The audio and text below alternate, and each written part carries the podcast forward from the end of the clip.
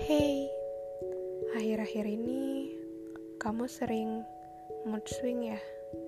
Kenapa? Kamu pasti gak bisa ngontrol kondisi yang terjadi di sekitar kamu. Aku tahu, pasti ada aja orang-orang atau masalah yang buat kamu jadi bad mood buat kamu gak nyaman kalau kamu berada di dekat mereka. Ini gak bisa kamu hindarin, tapi harus kamu hadapin. Kita gak bisa mengubah keadaan, tapi kita bisa mengubah kondisi hati kita.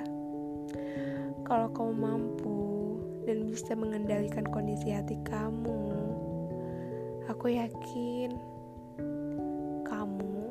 juga akan mampu mengendalikan keadaan dan orang-orang di sekitar kamu dengan respon yang benar. Walaupun orang tadi rasanya terlalu menyakitkan. Tapi kamu harus tetap semangat ya. thank you